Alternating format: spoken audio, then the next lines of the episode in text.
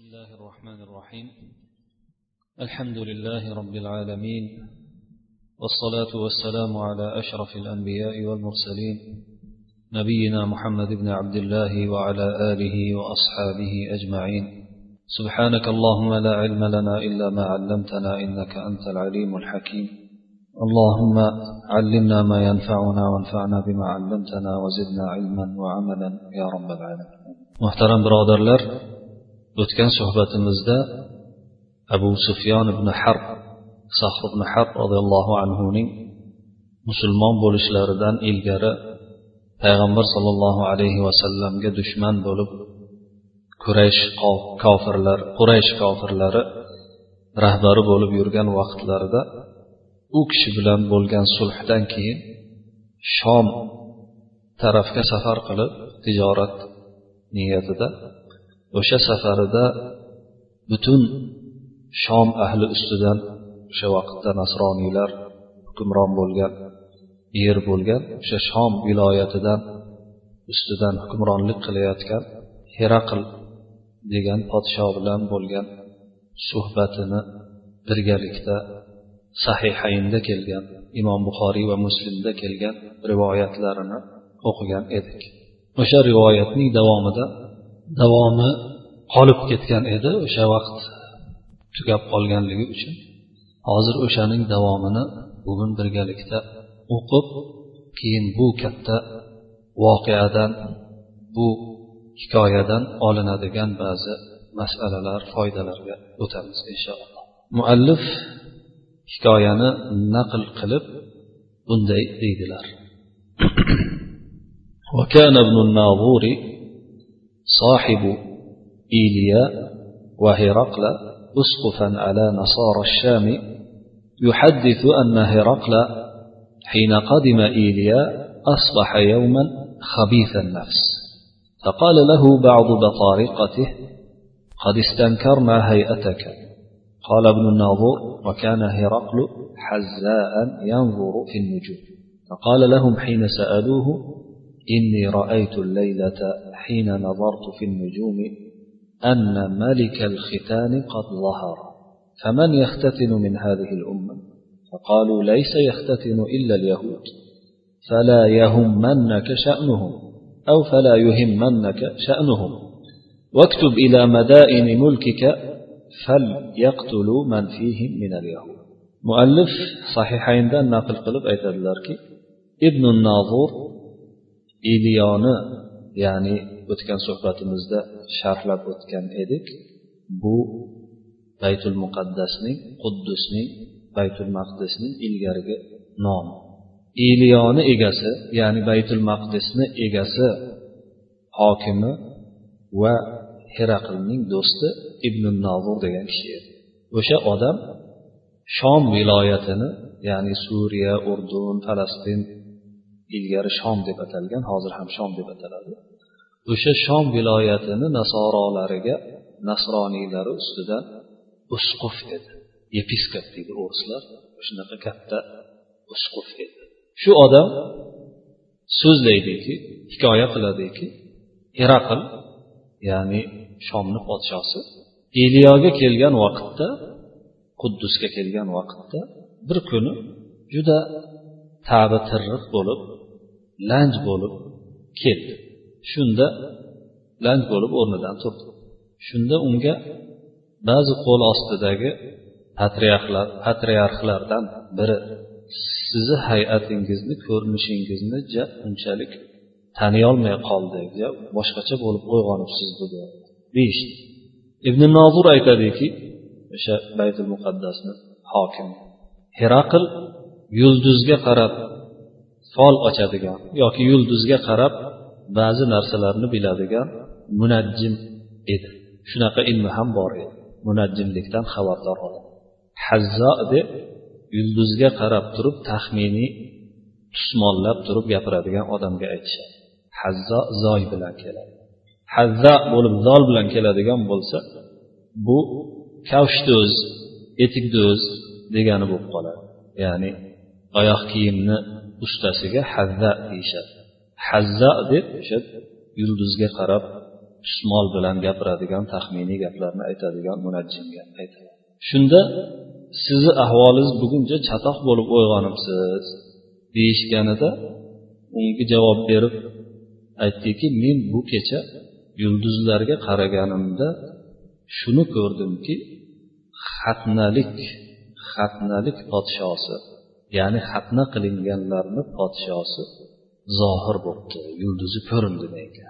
Bu atrofimizdagi xalqlardan qaysi biri xatna qilishadi o'zlari shunda aytishdiki yahudiylardan boshqa hech kim xatna qilmaydi. Sizga yahudiylarni ishi sizni tashvishga solmay qo'ya qolsin. Mana mamlakatingizni shaharlariga barcha boshliqlariga yozing. U yerdagi yahudlarni hammasini boshini tanasidan judo qilishsin o'ldirishsin deb maslahat berishdi فبينما هم على هذا الأمر أتي هرقل برجل يخبرهم أرسل به ملك غسان يخبره عن خبر رسول الله صلى الله عليه وسلم mana shunday maslahat qilib turishgan vaqtlarida endi bu maslahatlar bu tush yulduzga qarashlar hali abu sufyon borib hikoya qilib ular bilan o'tirishlaridan oldin ro'y beryapti Mana shunday holatda turgan vaqtlarida heraqlni oldiga bir odam kelib qoldi. Odam keltirildi. U odamni heraqlni viloyatlaridan biri o'sha qo'l ostidagi viloyatlaridan biri g'asson g'assonni podshosi unga jo'natgan. Shu odam payg'ambar sollallohu alayhi vasallamni xabarini olib kelib qoldi. هرقل اذهبوا فانظروا أمختتل هو أم لا فنظروا إليه فحدثوه أنه مختتل. وسأله عن العرب فقال أهم يختتنون قال نعم. فقال هرقل هذا ملك هذه الأمة قد ظهر أو هذا ملك هذه الأمة قد ظهر. shunda heraql u payg'ambar sallallohu alayhi vasallamni xabarini yetkazgan odamlar. E bu payg'ambar deb o'zini davo qilayotgan odam chiqibdi deb xabar olib kelgandan keyin o'sha odamdan heraql xabarini so'rayotgan vaqtda shuni ham so'radi. Aytdiki qaranglar boringlar qaranglar u xatna qilingan ekanmi yo'qmi? Ya'ni o'shani xabarini bilinglar. O'sha payg'ambar xatna qilingan payg'ambarmi yo'qmi? Shunda ular borib xatna qilingan payg'ambar ekan deb xabarini bilib kelishdi. Keyin u odam arablarni hammasi haqida so'radilar so'radi. Arablar ham xatna qilishar ekanmi dedi. Ha degan javob keldi shunda heraql ha mana shu xalqning mulki mana endi zohir bo'libdi mana yulduzi ko'rindi. Yoki mana shu xalqni podshosi zohir bo'libdi yulduzi ko'rindi deb aytdi. Mana shu yerda mulku bilan maliku deb ikki ikki xil tarjima qilayotganimga sabab bunda ulamolarda ixtilof bor mana shu yerda mulku bo'lib kelganmi yoki maliku bo'lib kelganligi to'g'risida buni batafsil umdatul qoriyda imom ayniy ancha tafsilan yoritib bergan ثم كتب هرقل إلى صاحب له برومية وكان نظيره في العلم وسار هرقل إلى حمص فلم يرم حمص حتى أتاه كتاب من حمص يوافق رأيه رأي هرقل على خروج النبي صلى الله عليه وسلم وأنه نبي كين هرقل روميدagi ya'ni romadagi rumdagi hozirgi o'zbek tilida aytadigan bo'lsak rim shahridagi o'zini bir do'stiga kattalardan bittasiga maktub yozdi o'zidek u ham ilmga ega odam edi ilmli odam edi. O'sha ilmli odamga maktub yozdi bu haqda so'rab keyin o'zi hims shahriga qarab otlandi. Hims hozir suriyani shimolida turkiyaga yaqin joyda joylashgan shaharlardan bittasi. O'sha vaqtda ularni qo'l ostidagi katta bir qal'alardan shaharlardan biri edi. Herakl keyin himsga yo'l oldi. Endi himsga boraman deb harakatga tushib turgan vaqtda himsni o'zidan unga maktub kelib qoldi o'sha maktub maktubdagi fikr heraklning fikriga to'ppa to'g'ri muvofiq bir fikr edi ya'ni payg'ambar sallallohu alayhi vasallamni chiqqanlariga va u odamni payg'ambar ekanligini ta'kidlovchi xabar keltirgan bir maktub qo'liga kelib tushdi ana shunday bo'lgandan keyin فأذن هرقل لعظماء الروم في تذكرة له بحمص ثم أمر بأبوابها فغلقت ثم اطلع عليهم فقال يا معشر الروم هل لكم في الفلاح والرشد وأن يثبت ملككم فتتابعوا هذا النبي؟ فحاصوا حيصة حمر الوحش أو فحاصوا حيصة حمر الوحش إلى الأبواب. فوجدوها قد غلقت. فلما رأى هرقل نفرتهم وأيس من الإيمان منهم قال ردوهم علي وقال إني قلت مقالتي آنفا أختبر بها شدتكم على دينكم فقد رأيت فسجدوا له ورضوا عنه فكان ذلك آخر شأن هرقل endi payg'ambar sollallohu alayhi vasallamni zohir bo'lganliklarini bilganidan so'ng payg'ambar ekanligi u oxirgi payg'ambar kutilayotgan payg'ambar ekanligini ancha tekshirib bilganidan keyin heraql bir kuni rum zodagonlarini rumni kattalarini o'sha joydagi barcha ayonlarni himsda o'sha rum nimani shimolida hozirgi suriyani shimolidagi katta qal'ada katta joyda bir katta bir yerda katta bir qasrga o'xshagan yerda to'pladi. Ularni bir joyga kelishga ruxsat berdi. To'pladida keyin o'zini horislariga qo'riqchilariga bu katta majlisni eshiklarini o'sha turilgan joyini eshiklarini darvozalarini berkitishga mahkamlashga buyurdi. Berkitildi. Keyin ularga tepadan chiqib kelib xitob qildi. Ey rum jamoasi ey rimliklar sizlar sizlarga zafar to'g'ri yo'l mulkingizni barqaror qolishi kerakmi? Shuni xohlaysizlarmi? Shu hozirgi chiqqan payg'ambar payg'ambarga ergashinglar. Shuni xohlasalaringiz. Dedi. Mana shu gapni aytishi bilanoq haligi o'rtada yig'ilgan zodagonlar kattalar hammalari birdek o'rnlaridan turishib xuddi hurkitilgan yovvoyi eshaklardek eshiklarga qattiq yugurib otlanishdi qarasalar eshiklar taqataq bekitib qo'yilgan ekan.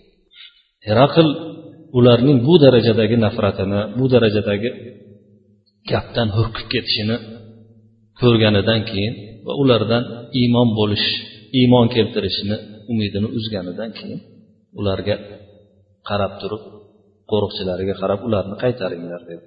Qaytib kelishganidan keyin men bu gapimni hozirgina sizlarni imtihon qilib aytgan edi. Dinlaringizga bo'lgan shiddatni dinlaringizga bo'lgan mahkamligingizni bilmoqchi bo'lib mana shunday gapni aytgan edi. Mana ko'rdim dedi ular unga sajda qilishib undan rozi bo'ldilar. Mana shunday qilib heraqlni oxirgi hikoyasi oxirgi holati mana shunday hidoyatga yo'l olmasdan tugagan edi deb hikoyani tugatadilar. Ibn abbos roziyallohu anhu buni naql etishni ham muallif mana shu yerda tugatadilar. Endi muhtaram birodarlar ushbu hikoyada kelgan ya'ni o'tgan suhbatimiz bilan bugungi suhbatimizni davomida boshida hikoyada kelgan ba'zi nuqtalarga ya'ni undan olinadigan ba'zi darslar ba'zi foydalarga to'xtalib o'tsak yaxshi bo'ladi. O'tgan suhbatimizda hudaybiya sulhi to'g'risida abu sufyon roziyallohu anhu gapirib o'tdilar ozroq. Bir sulhda turibmizu u qanaqa bo'ladi bilmadik deb o'tib ketdi. O'sha sulh islomni yoyilishi butun barcha joylarga qarab kengayib ketishida juda katta rol o'ynagan so'zlardan biri hisoblanadi. Undagi foydalarga xudo xohlasa o'sha sulhil hudaybiya hudaybiya sulhiga voqealar kelib to'xtaganda inshaalloh to'xtalib o'tamiz inshaalloh. Keyin yana payg'ambar sollallohu alayhi vasallam haqidagi bu hikoyadan yana shuni o'zimizga dars qilib olishimiz kerakki alloh taologa da'vat qiladigan mo'min odam ilgari ham buni aytdik o'zini juda qattiq shu da'vatga tikib qo'ymaguncha ko'p muboh bo'lgan ba'zan boshqalarga durust bo'lsa ham o'yin kulgulardan muboh bo'lgan halol bo'lgan o'yin kulgulardan rohatlardan ancha kechishga to'g'ri keladi mana payg'ambar sollallohu alayhi vasallam juda katta kuch bo'lgan quraysh jamoalariga qurayshni atrofidagi barcha qabilalarga bir o'zlari yuzma yuz bo'ldilar. Ular payg'ambar sollallohu alayhi vasallamni da'vatlariga ko'nib ba'zilari qurol bilan ba'zilari shunaqa da'vat e, yordamida bu madinaga ko'chganlaridan keyin esa majburan shunaqa urushlar yordamida ko'nib oxiri oltinchi yettinchi yillarga kelib hudaybiya sulhiga kelganida ko'pchilik bilan u quraysh bilan sulh tuzganlaridan keyin ana o'shanda to'xtab turmadilarda butun atrofdagi katta katta mamlakatlarga da'vat nomani maktublarni yo'lladilar vizantiya imperiyasi o'sha paytda hozir rum o'sha payt hozir vizantiya imperiyasi deb ham ataladi. Rum imperiyasiga imperatoriyasiga fors imperiyasiga bularni hammasiga misrdagi kattalarga hammalariga maktublar jo'natdi.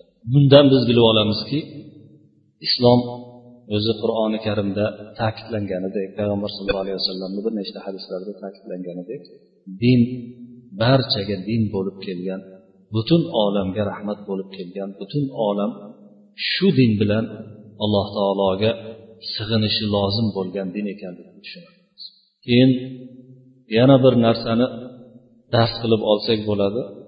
Dunyodagi kattalar katta kursilarda o'tirganlar o'zlarini xalqlarini da'vatiga eshik vazifasini o'taydi. O'shaning uchun qaysi jamoada bo'lmasin da'vat barchaga birdek barobar qilinishi kerak.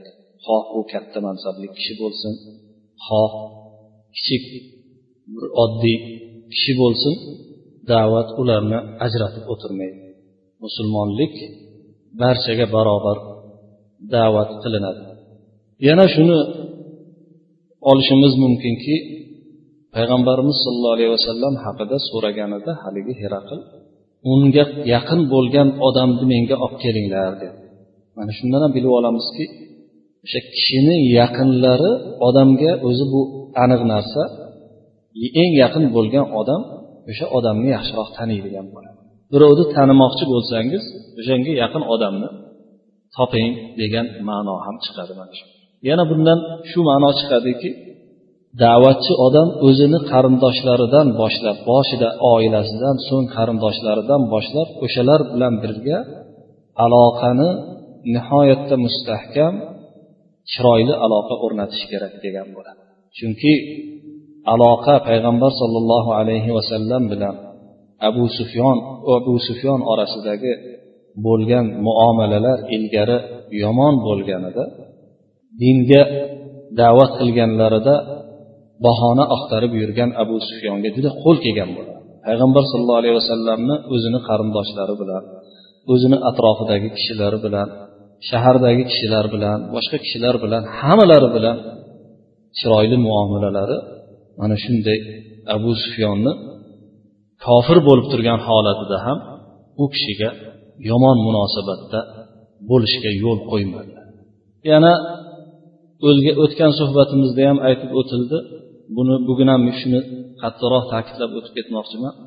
Arablarni o'sha vaqtda yolg'onni nihoyatda yomon ko'rishi. Garchi eng dushmanlarini urush vaqtida eng o'zi qattiq dushmanlik qilib turgan odamni zarariga bo'lsa ham bitta bo'lsa ham yolg'onni gapirmaganligi juda diqqatga sazovor ish.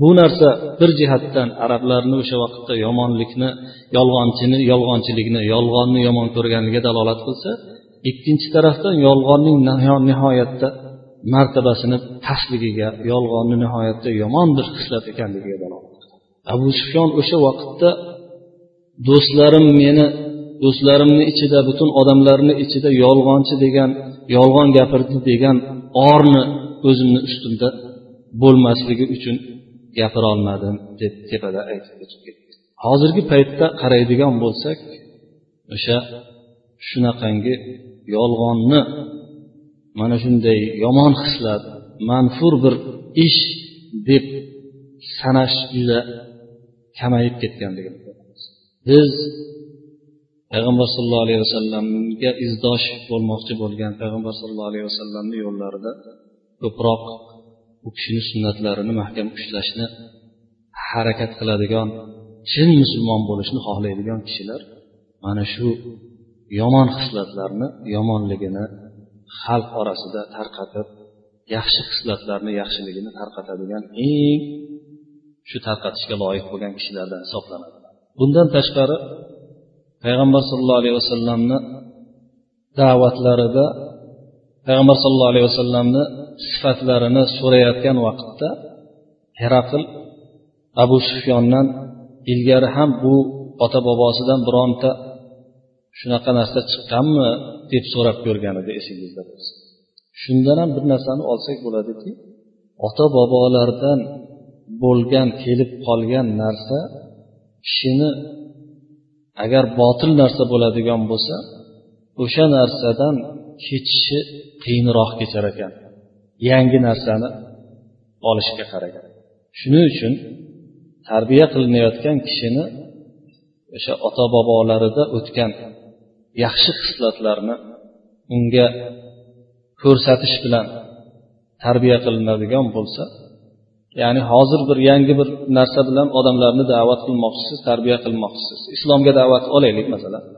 Islomga to'g'ri so'zlik sodiqlik iymonda kuchli bo'lish alloh subhanahu va taoloni qalbdan qo'rqib nihoyatda huzur bilan turish bularni hammasini oyat hadislar bilan keltirishingiz bilan barobarida o'sha o'zlari o'zini ota bobolarida o'tgan shu xislatlarga ega bo'lgan kishilarni ham aytib ularni ota bobolarini ichida ham mana shunday kishilar o'tganligini aytib berib qiladigan bo'lsangiz ularni qalbi shu narsaga bog'lanishi ancha kuchayadigan bo'ladi. Chunki insonni tabiatida borki o'zlarini o'tgan ota bobolarini xislatlarini yaxshi ko'radilar. Hatto yomon xislatlari bo'lsa ham ular o'sha hislatlarnidan kechib yuborishlari qiyin bo'ladi.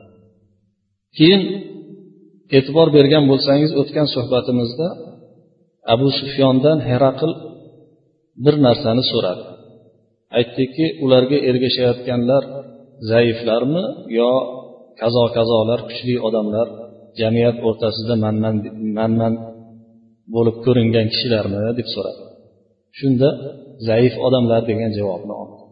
Shundan ham bilamizki ko'pincha kibr egalari manmansiraganlar mansabparastlar haqiqatga egilishlari ancha qiyin kechadi. Chunki haqiqatga egilganlarida payg'ambar sollallohu alayhi vasallamni da'vatlariga ko'proq o'shalardan kirgan bo'lar. Da'vatlariga kirishlarida ana o'shalar to'g'anoq bo'lib haqiqatga egilish u yoqda tursin haqiqatga teskari ish qilib o'sha haqiqatni yo'lida to'g'anoq bo'lganlariga qaraganda mana shu fe'llar kibr odamlarni mensimaslik odamlar o'rtasida mansabi bilan maqtanish shunga o'xshagan narsalarni hammasi da'vatni to'sib haqiqatni yo'lini to'sib qo'yishligiga dalolat qiladi. Keyin da'vatchi odam ilgari ham aytilib o'tildi bu narsa da'vatda nihoyatda sabrli bo'lishi kerak. Yetkazayotgan narsasida nihoyatda keng fe'lli bo'lishi kerak. Chunki da'vatga kirayotganlar hammasi ham o'sha istijobat qilib hammasi ham haqga doim ergashib ketavermaydi. Doim haq bilan botil nohaqlik bilan haqiqat zulm bilan insof doim bir biri bilan kurashib o'tadi bu dunyoda. Keyin yana bir muhim nuqta borki o'sha abu sufyondan so'ragan savollaridan birida savollarini ichida yana bitta muhim nuqtalardan bittasi birontasi shu dinga kirganidan keyin dinni yomon ko'rib qolib chiqib ketayotibdimi deb so'raganda yo'q deb javob berganda u haligi heraql tafsirlab uni sharhlab aytdiki hammani iymonni halovati iymon ularni dillarini ich ichlariga kirib ketgandan keyin shunaqa bo'ladida dedi.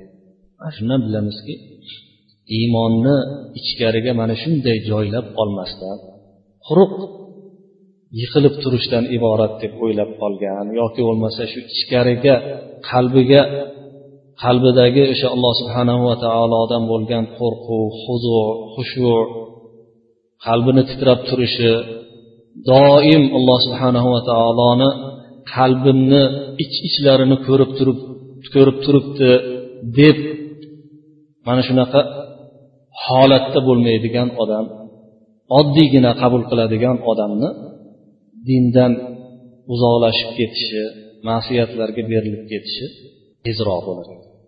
Qalbiga o'rnashib ketgan iymon qalbni ich ichiga kirib ketadigan bo'lsa bu narsalar ya'ni ma'siyatlar unga kelishi kamayib hatto e, ma'siyatlardan ancha uzoq yuradigan bo'lib butun ma'siyatlarni qilmaydigan bo'lib ketishi ham mumkin ekan. Payg'ambarimiz sollallohu alayhi vasallamni hayotlaridan ham o'sha abu sufyon ibn harb roziyallohu anhu hikoyalarida shunday aytib bergan hikoyalaridan ham yana shuni bilib olamizki dushmanlar musulmonlarga qanday bo'lmasin bir nozik tarafini ushlab zaif tarafini topib ta'na yetkazishga harakat qiladi. Chunki o'shanda abu sufyon aytadilarki hozir biz ular bilan sulhda turibmiz hali bu sulhni buzib xiyonat qilib qo'yadimi yo'qmi bilmayman deb javob berdim. Shunigina topa oldim javob uchun deydi. Ana shundan o'sha xulosani chiqarib olsak bo'ladi.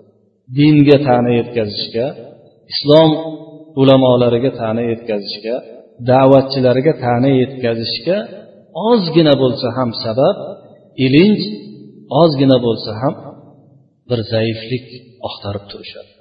Shuning uchun o'shanaqa zaiflik bo'ladigan joylarni nozikliklarni o'shanaqa dushmanlar kirib qolishi mumkin bo'lgan shunaqa teshiklarni bekitib butun komil islomni odam o'zida mujassam qilishi kerak bo'lar ekan. Toki olib ketayotgan da'vati va odamlarga aytayotgan nimasi komil bo'lib odamlarga ta'siri kuchli bo'lishi uchun. Buning uchun esa inson nihoyatda qattiq o'zi bilan nafsi bilan kurashishi juda qattiq harakat qilishi kerak bo'ladi. Osonlik bilan bu narsa qo'lga kiritilmaydi. Yana abu sufyonni gaplaridan bittasida savol savolga javob bergan gaplaridan bittasida ha biz ular bilan urushdiku? Urush gohida biz yengdik gohida ular yengdi deb javob berdi. Shundan biz yana xulosa chiqarib olishimiz kerakki doim ham musulmonlarni qo'li baland kelavermaydi doim ham musulmon odam qiladigan da'vatiga yarasha yo'llariga poyandoz to'shalib doim oshig'i olchi bo'lib ketavermaydi balki unga har xil holatlar imtihonlar kelishi mumkin. Imtihonlar turli darajada kelishi mumkin. Imtihonlar ba'zan qattiq jismoniy ruhiy ma'naviy zarar bilan kelishi mumkin. Yoki imtihonlar yengillik bilan kelib kelishi ham mumkin. Pul boylik mansab ular ham katta imtihonlardan hisoblanadi. Hatto ba'zi ulamolar keladigan yengil imtihonlarni pul boyligu mansabu boshqa katta katta obro'lar buni imtihonini haligi qiyinchilik imtihoniga qaraganda og'ir ham deb ataydilar keyin abu sufyon ibn harbdan so'ragan narsalaridan bittasida nimalarga buyuradi deganda alloh taologa ibodat qilib sherik keltirmaslikkayu keyin odamlar bilan silai rahm qilishga qarindosh urug'larga sadaqaga ezgulikka da'vat qiladi deb javob berdi.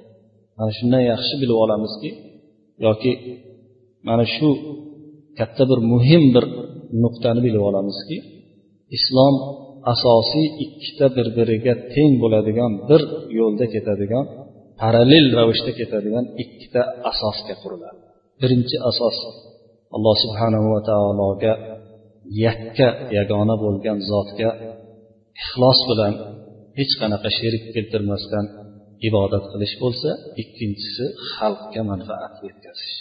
Xalqga manfaat yetkazmasdan asosan o'zi bilan o'zi mashg'ul bo'lish bilan islomni yetkazib bo'lmaydi. Islomni mukammal ravishda u mujassam qilgan ham bo'lmaydi. Islom demak ollohni haqqi bilan ollohni huquqi bilan xalqlar huquqi asosida qurilar ekan. Keyin payg'ambar sollallohu alayhi vasallamni sodiqligiga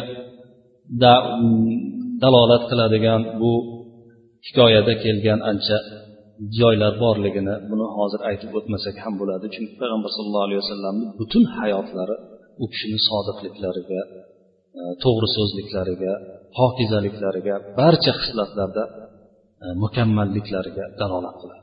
Keyin yana bir muhim nuqtalardan bittasi u ilgari o'sha nasroniylar va yahudiylarni kitoblarida kelgan va ular bunga ko'nmagan hikoyalarda aytib o'tildi. Heraqlning ham nasroniylarning ham payg'ambar sollallohu alayhi vasallamni juda yaxshi tanishlari sifatlarini ahvollarini bilib chiqqanliklari sodiqliklarini barcha holatlarini bilib shunda ham bularni birontasi ularni islomga kirita olmaganligini bilib olsak bo'ladi. Demak tanib olish tasdiqlashni o'zi islomga kirishga dalolat bo'lib qolmas ekan. Ya'ni islomga kirishga sabab bo'lib qolmas ekan. Alloh subhanahu va taolo o'sha izlanib qattiq harakat qilib dildan harakat qilganlarga o'zini e, xohlagan hidoyatini berar ekan. Alloh subhanahu va taoloni qo'lida ekan hidoyat. Yana o'sha o'sha yuqoridagi hozirgi nuqtadan yana shuni bilib olamizki ko'rolmaslik o'zini turgan mazhabiga ya'ni yo'liga qattiq turib olish mazhab deganda bu yerda men yo'l ma'nosida aytyapman. O'sha nasroniy o'sha heraqlni o'zini yo'liga qattiq turib olishiga sabab o'sha qattiq ko'rolmaslik ham takabbur ham bo'ldi. Chunki gaplarini bittasida men bu odamni chiqishini bilardimu lekin sizlarda chiqib qoladi deb o'ylamagandim deyishidan tushunib olsa ham bo'ladi ya'ni nahotki sizlarda chiqib chiqadigan bo'lsa mana shu chatoq bo'ldida deganday ma'noda aytgan. Bundan tashqari yana tekshirib ko'rilsa ancha foydalar olinishi bu ulug' hikoyadan ancha darslar olinishi turgan gap. Lekin mana shu hozir suhbatimizni vaqti nihoyasiga yetib qolganligimiz uchun shu bilan kifoyalanamiz keyingi suhbatlarda uchrashuvga qadar sizlarni alloh subhanava taoloni hifzi himoyasiga topshirgan holda xayrlashamiz vasallallohu vasallam va baraka ala nabiyina muhammad va ala alihi va ashabihi ajmain assalomu alaykum